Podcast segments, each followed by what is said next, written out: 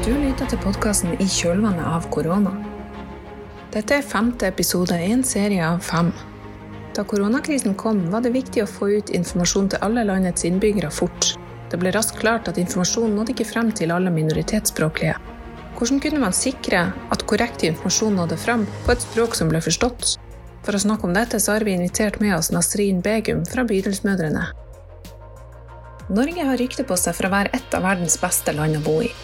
Men var vi godt nok forberedt på en pandemi? Og hvordan har vi klart oss i kjølvannet av covid-19? Hvilken lærdom tar vi med oss videre? Hvordan har det gått når det norske folk skulle drive hjemmeskole og hjemmekontor samtidig? Og hvordan har likestillinga hjemme blitt påvirka av dette? Hva med de som måtte stå i samfunnskritiske jobber? Her finner vi mange nordmenn med minoritetsbakgrunn. Vi vil også se på hvilke følger koronakrisen har hatt for de mest sårbare gruppene, Eldre og personer med nedsatt funksjonsevne har fortalt om ensomhet og omlegging av tjenester. Krisesentrene har meldt om unormalt lav aktivitet. Barnevernet har fått langt færre bekymringsmeldinger som går på mistanke om vold og overgrep mot barn. Hva skjedde?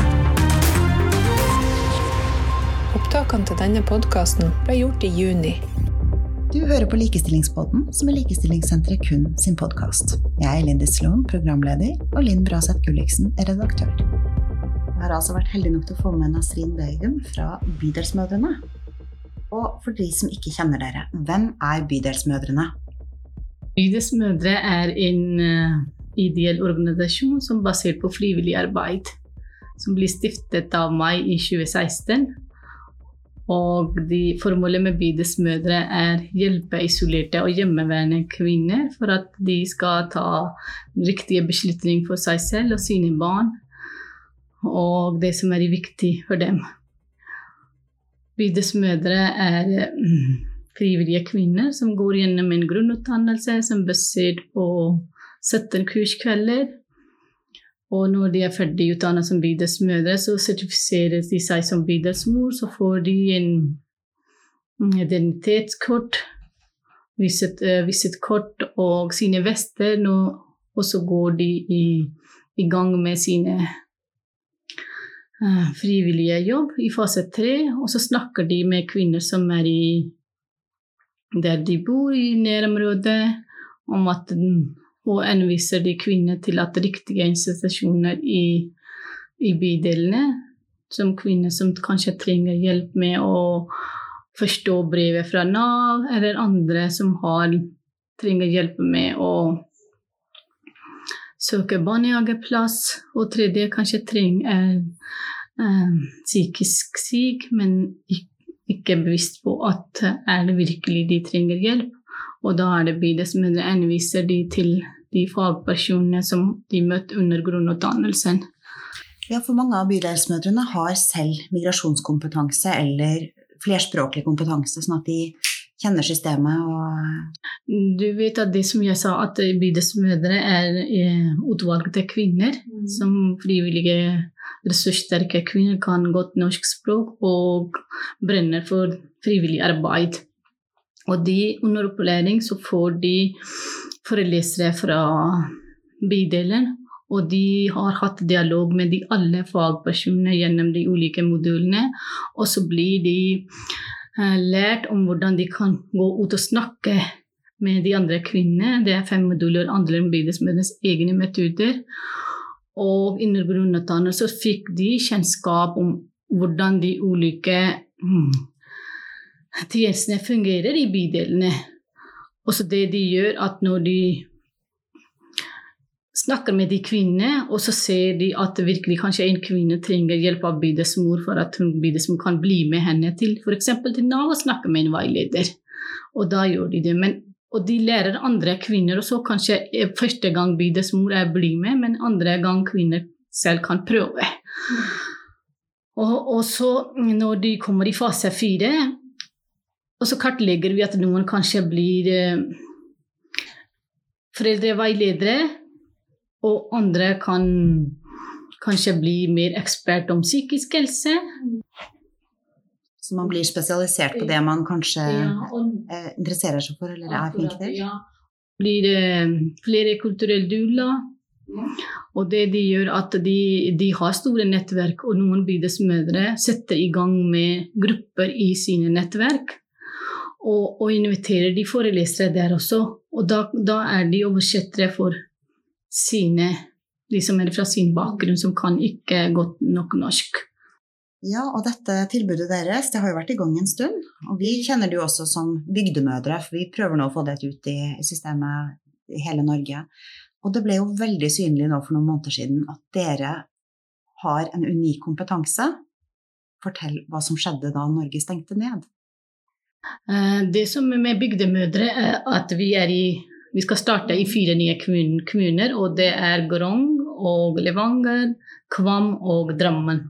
Ja. Så Grong skal startes i neste uke. Vi skal komme, og vi er veldig heldige for å fikk samarbeid med KUN for å er med å utvikle konseptet bydelsmødre til bygder. Mm. Og det er vi kjempeglade for. Mm. Ja, samarbeidet. Og når Norge det med mm, i koronapandemien. I begynnelsen av eh, pandemien merket bydelsmødrene en enorm pågang. Spørsmål om smitte, smittevern, stengte skoler og fått spørsmål om barnehager.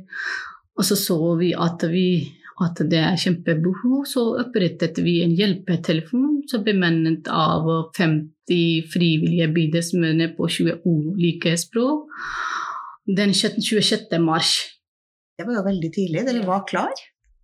Eh, vi var ikke klar, ingen var klar til Nei. den pandemien, men det er for å holde, for å holde hodet kaldt. Ja. Vi merka at, eh, at når vi kan ikke gå på kontoret, og alle de kollegene skal ha hjemmekontor og sånn, men begynte vi å snakke på Messenger først og fremst. At, uh, på FaceTime at hva, hvordan kan vi gjøre det? Og så snakka vi med våre lokale vi har fem uh, lokale organisasjoner, som da inviterte vi våre lokale ledere inn på Zoom-måte. Så diskuterte vi at hva kan vi gjøre, hvordan går vi frem. Og siden bydelsmøtet etablerte seg bare i, i Oslo, mm. og vil dere åpne for at uh, folk kan ringe fra andre steder også, eller, eller bare de bydelene som bydelsmødrene har etablert seg. Mm. Og så bydelsmødrene har åpnet armen. De sa at vi vil, det er en spesiell situasjon her, vi, vi må stå sammen. Og så vi er klar for å hjelpe eller ta imot telefoner fra alle. Og så vi at det er store forespørsel fra alle kommuner, fra sykehusene, fra barnevernet, fra politiet, fra regjeringer, fra helseinstituttet som vi bydelsmøtet sentral har fått forespørsel at kan dere gi oss erfaringer som bydelsmøtet sitter med gjennom den hjelpetelefonlinjen. Og um, da er det bydelsmøtene har hatt 600 samtaler med familier i, under den koronapandemien. Og, um, og det, det er, de er frivillige kvinner bydelsmøtene pleier å fylle ut en samtaleskjema når de snakker med en kvinne. Og den samtaleskjemaet de fyller ut på mobil, så får vi Dere sitter med statistikk på hvem som tar kontakt. Går det på hva slags spørsmål de stiller, eller språk? Det er spørsmål om uh, smittevernreglene, om åpning av skoler og når skulle bli stengt, åpning av barnehager og alt om permittering, psykisk helse og de folk som er med flyktningbakgrunn, som hadde andre, eh, andre utfordringer. Og folk som bor i trangt, har andre utfordringer, og hvordan de skal opprette holde alt når alt er stengt og alle barna skal være hjemme, og både skole og barnehager og hjemmekontor og ikke minst eh, mange andre ting også. Ja, for det var jo et voldsomt det, skjedde veldig fort, alt sammen som vi snakket om. 12. mars så stengte alt. Barna kom hjem fra skolen, og vi fikk SMS fra skolen om at uh, ikke kom tilbake i morgen. Hvordan, hvordan i all verden Jeg, jeg syns jeg fikk dårlig informasjon på norsk. Hvordan gikk den informasjonen ut ellers? Eh, du vet at myndighetene var flinke til å, å, å oversette Eh, informasjon fra Folkeinstituttet i ulike språk.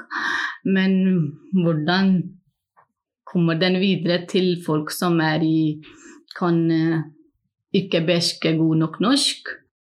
Ja, og hvor er folk vant til å finne informasjon, ikke minst? Eh, Er folk vant til å tenke at skal jeg gå inn på fhi.no, eller eh, har man andre tanker? Vet folk som er i, kanskje er eh, ikke vant med å bruke de, de, de digitale apparatene, og ikke er vant til å lese og skrive. Og da er det noen som kulturer har muntlig snakkekultur, og de snakker med hverandre. Og da er det vanskelig for dem å finne ut den informasjonen som ligger på Folkeinstituttet sine sider. At eh, det er altfor mye informasjon, og det var mange ulike, oversatt på mange ulike språk. Og, og da er det at eh, da står bydelsmødrene i fronten for å, å hjelpe og redde de familiene som trengte hjelp i den under pandemien. De, til og med de ringte eh, på den, både på telefon, men de gikk rundt ut for å ringe på døra-klokka for å snakke de, at hvordan går det med deg, og vi ser at, at eh, mm, vi har ikke sett, eller folk har vært i det ble alltid lockdown, alle satt inne. Og merka de at jeg har ikke hørt fra henne hvordan går det med deg og sånn. Og fikk du en god nok informasjon, så da er det de gjenviste folk til de de Folkeinstituttet sine sider, de som egner seg til, men andre kanskje trengte bare for å bekrefte fra en som er fra samme bakgrunn, er det virkelig den pandemien er så alvorlig vi må forholde seg hjemme, eller følge med de alle smitterådene fra, fra myndighetene. Og tredje var det at eh, eh, som den hjelpetelefonen som bydelsmødre har fått, og så sier de at eh, noen som, som hadde behov for å snakke med noen.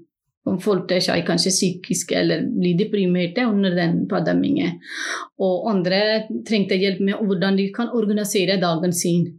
At når barna er hjemme, kanskje de som er med flyktningbakgrunn, uh, kan ikke hjelpe barna med lekser og sånn. At da er det bydelsmødrene har opprettet uh, De hjelpet uh, barna med leksehjelp på WhatsApp eller på andre digitale former. Det de gjorde. Og de sa at de stått døgnet rundt. Kan man si at fordi de har opprettet, bydelsmødrene har opprettet ulike grupper på WhatsApp. De snakker mellom seg og utveksler erfaringer, og de sender alt informasjon de får fra sentralt til, til, alle, til alle sine gruppemedlemmer som er de som er sertifiserte bydelsmødre, og så sender de videre til sine nettverk som de har. Det er jo en veldig trygt, trygt system når dere har så kontrollert informasjon som går ut. For det, det gikk jo veldig fort, som sagt. Og plutselig så skulle jo også barna tilbake på skolen. Etter at alle hadde sagt hvor farlig dette var, så skulle plutselig først barnehagebarna og så skolebarna tilbake. Hvordan gikk informasjonen da? Gikk det like greit? Jo, det var at folk noen var ikke klart, og siden det har vært en skummel periode, eller folk har vært redde for alle må holde seg hjemme, ingen skal gå ut og smitte andre eller bli smitta av seg selv. Og plutselig blir det nei, nå er det alt er normalt, eller nå må man åpne seg gradvis, barna skal tilbake til skolen, og folk er ikke helt bevisste på at nå er virkelig er det pandemien er litt over, eller man kan si at nå er det litt mindre smittefare. Og, og, noen, og ser bydelsmødrene, de som har et barn, og de blir ekstra redde for at ja, jeg har bare den mm, gullet, ja. det som er i mitt liv, og hvis den blir smitta og kommer hjem med smitten, eller jeg blir smitta, selv om det er barn, blir ikke så mye smitta av den krona. Men de kan komme med smitta hjem til sine foreldre eller sine besteforeldre. Og da er det bydelsmødre som stått på og sier at nei, nå er det mm, myndighetene, har opprett, eh, myndighetene har god oversikt over skolene, og at de har tilrettelagt for at um, holde avstand eller godt vaske mm, de alle apparatene som man bruker på skolene og sånn. For at folk skal roe seg ned nei, og, og trygge. De, også folk skal bli mer trygge for å sende barn tilbake i barnehage og skolene.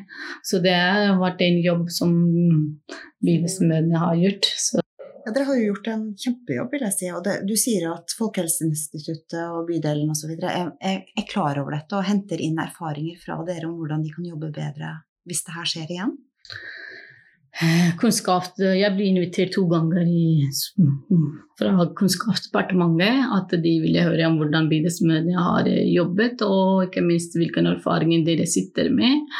Og bli ringt av politiet, for at de ville også ha erfaringer som bydelsmødre sitter med. Og fordi de, de bydelsmødrene har den unike interkulturelle kompetanse, og ingen andre har og, det, og, deres eh, metode for å nå ut en gruppe som ofte offentlige har vanskeligheter med å nå ut i. Fordi de kan hente informasjon bak dørene. Ingen vet hva som skjer i eh, bak dørene i familier som bor i trang, til hvilke utfordringer de sitter med. Og, og da De erfaringene har vært viktige for alle for hele, alle myndighetene i Norge.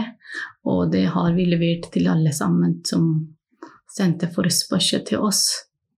Ja, og dette er jo da Bydelsmødrene, og i tillegg så jobber dere med noe veldig spennende, nemlig Bydelsfedre. Ja, eh, du vet at Bydelsfedre er mm, Vi har fått midler fra Nav. For å starte Bydelsfedre i Oslo. Og Bydelsfedre er en pilotprosjekt under Bydelsmødre Norge. Og den, vi håper at den også skal bli like suksess som Bibelsmødre er. Og, og det fins Baba i Danmark. Baba? Baba-grupper, ja, i Danmark. De har lagt mer fokus på mm, barnas rettigheter og barns behov. Også her i Oslo så har vi hatt eh, innspilt møte med brukere som kommer, kommer til å bli bydelsfedre fra hele Oslo. Så også sa de at vi har behov for å lære mer om psykisk helse. Vi har behov for å lære mer om um, Nav-system. F.eks. røyksluttkurs. Aller viktigste er at uh, vi skal lære om Eller de, de, vet om hvordan de kan oppdra barna sine. Mm. Men ofte fedre er en glemt ressurs i samfunnet. Vi har jo en, eh, en, samarbeidspartner som heter Reform, ressurssenter for menn. Are Såstad skulle gjerne vært her og snakket med deg i dag. Vi har intervjuet ham også. Og han sa det at han tenkte at uh, en del innvandrermenn har nok mye av de samme utfordringene som uh, norske menn, eller majoritetsnorske menn, da, når det gjelder dette med å møte helsevesenet. At man ofte føler at man ikke helt blir møtt i måten man snakker på. At uh, helsevesenet kanskje ikke helt har skjønt hvordan de skal snakke til menn. Og at det kanskje er litt det samme med, menn med minoritetsbakgrunn. Ja, det som jeg ser at ofte som de sliter med psykisk helse, det kan være ulike grunner når de ser at uh, det de kan, blir ikke verdsatt. Og det er mange prosjekter som er i i gang med kvinners rettigheter. Alle jobber stakkars kvinner, vi må hjelpe dem. Eller de, de trenger mer, mer, hjelp med de som flytter fra andre land og sånn. Men fedre blir glemt, og, og, og, så da blir de trekker seg tilbake. Og så blir mer, selv om de er ressurssterke, men blir mer ressurssvake. Og bydelsfedre kommer til et konsept både Mm, at vi skal synliggjøre de fedres ressursene til samfunnet. At det er en diamant. Man skal synliggjøre at hvor viktig det er pappa i barnas hverdag, og ikke minst for samfunnet.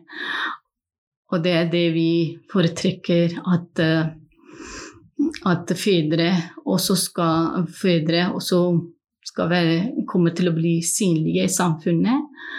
Og ofte det som er i Mm. Folk med en annen eller andre kulturer som er i pappa, som er i bestemmer mest. Og, og som mødre som kan mer enn fedre.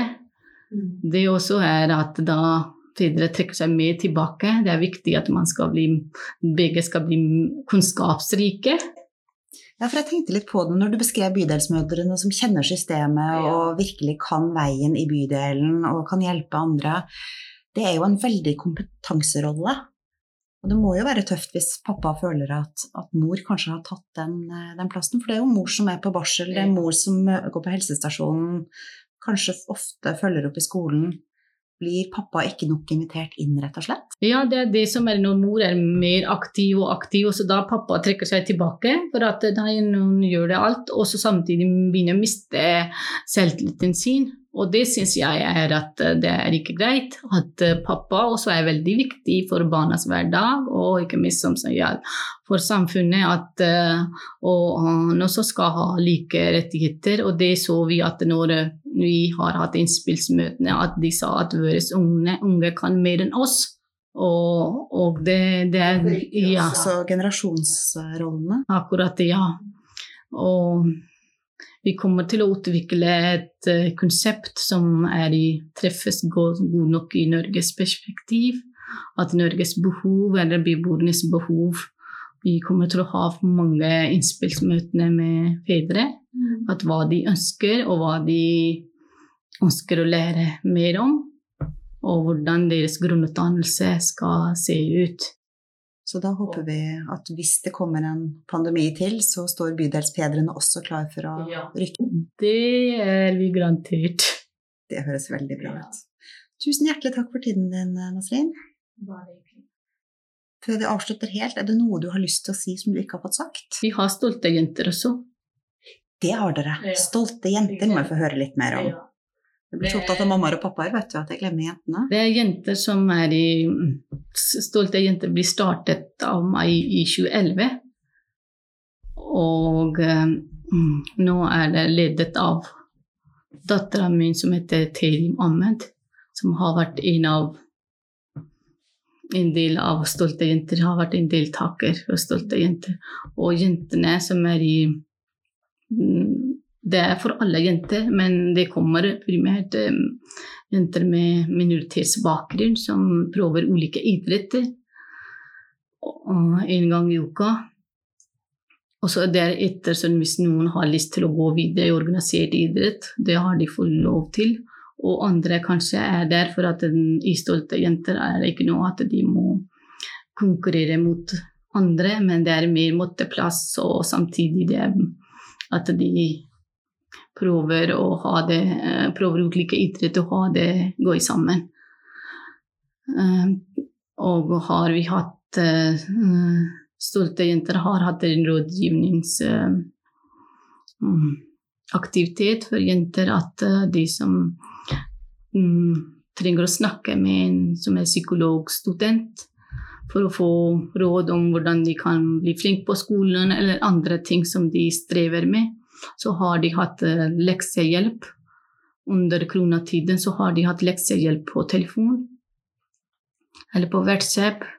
Og så sier stolte jenter at eh, de har fått flere henvendelser fra voksne enn barn. Ja, for hvilken aldersgruppe er det egentlig som er stolte jenter? fra 6 til eh, 10 til 18 år, ikke 6. 10 10 til 18 år, ja. Nå kommer det også henvendelser fra voksne. Voksne som trengte hjelp for med lekser og sånn. Så det er tydelig at tilbudene deres er kjent nok til at noen tenker her, her kan jeg gå. Ja, det har vært eh, god nok kjent. At i hvert fall forhold til det nivået som stolte jenter er eller de, eh, der de har etablert seg. Ja, for hvor er de etablert her? De er etablert seg i bydel Alna, som jeg bor i. Så der jeg hørte om det første gang, men jeg hadde ikke koblingen på at det var du som sto bak den også. Det må jeg si. Eh, Jeg så at jeg det er fire jenter, og så så jeg behovet for at eh, mange jenter som bor i lokalt, går ikke på fritidsaktiviteter, inkludert med mine jenter. Det kan være at eh, kanskje folk har ikke råd til å betale kontingent.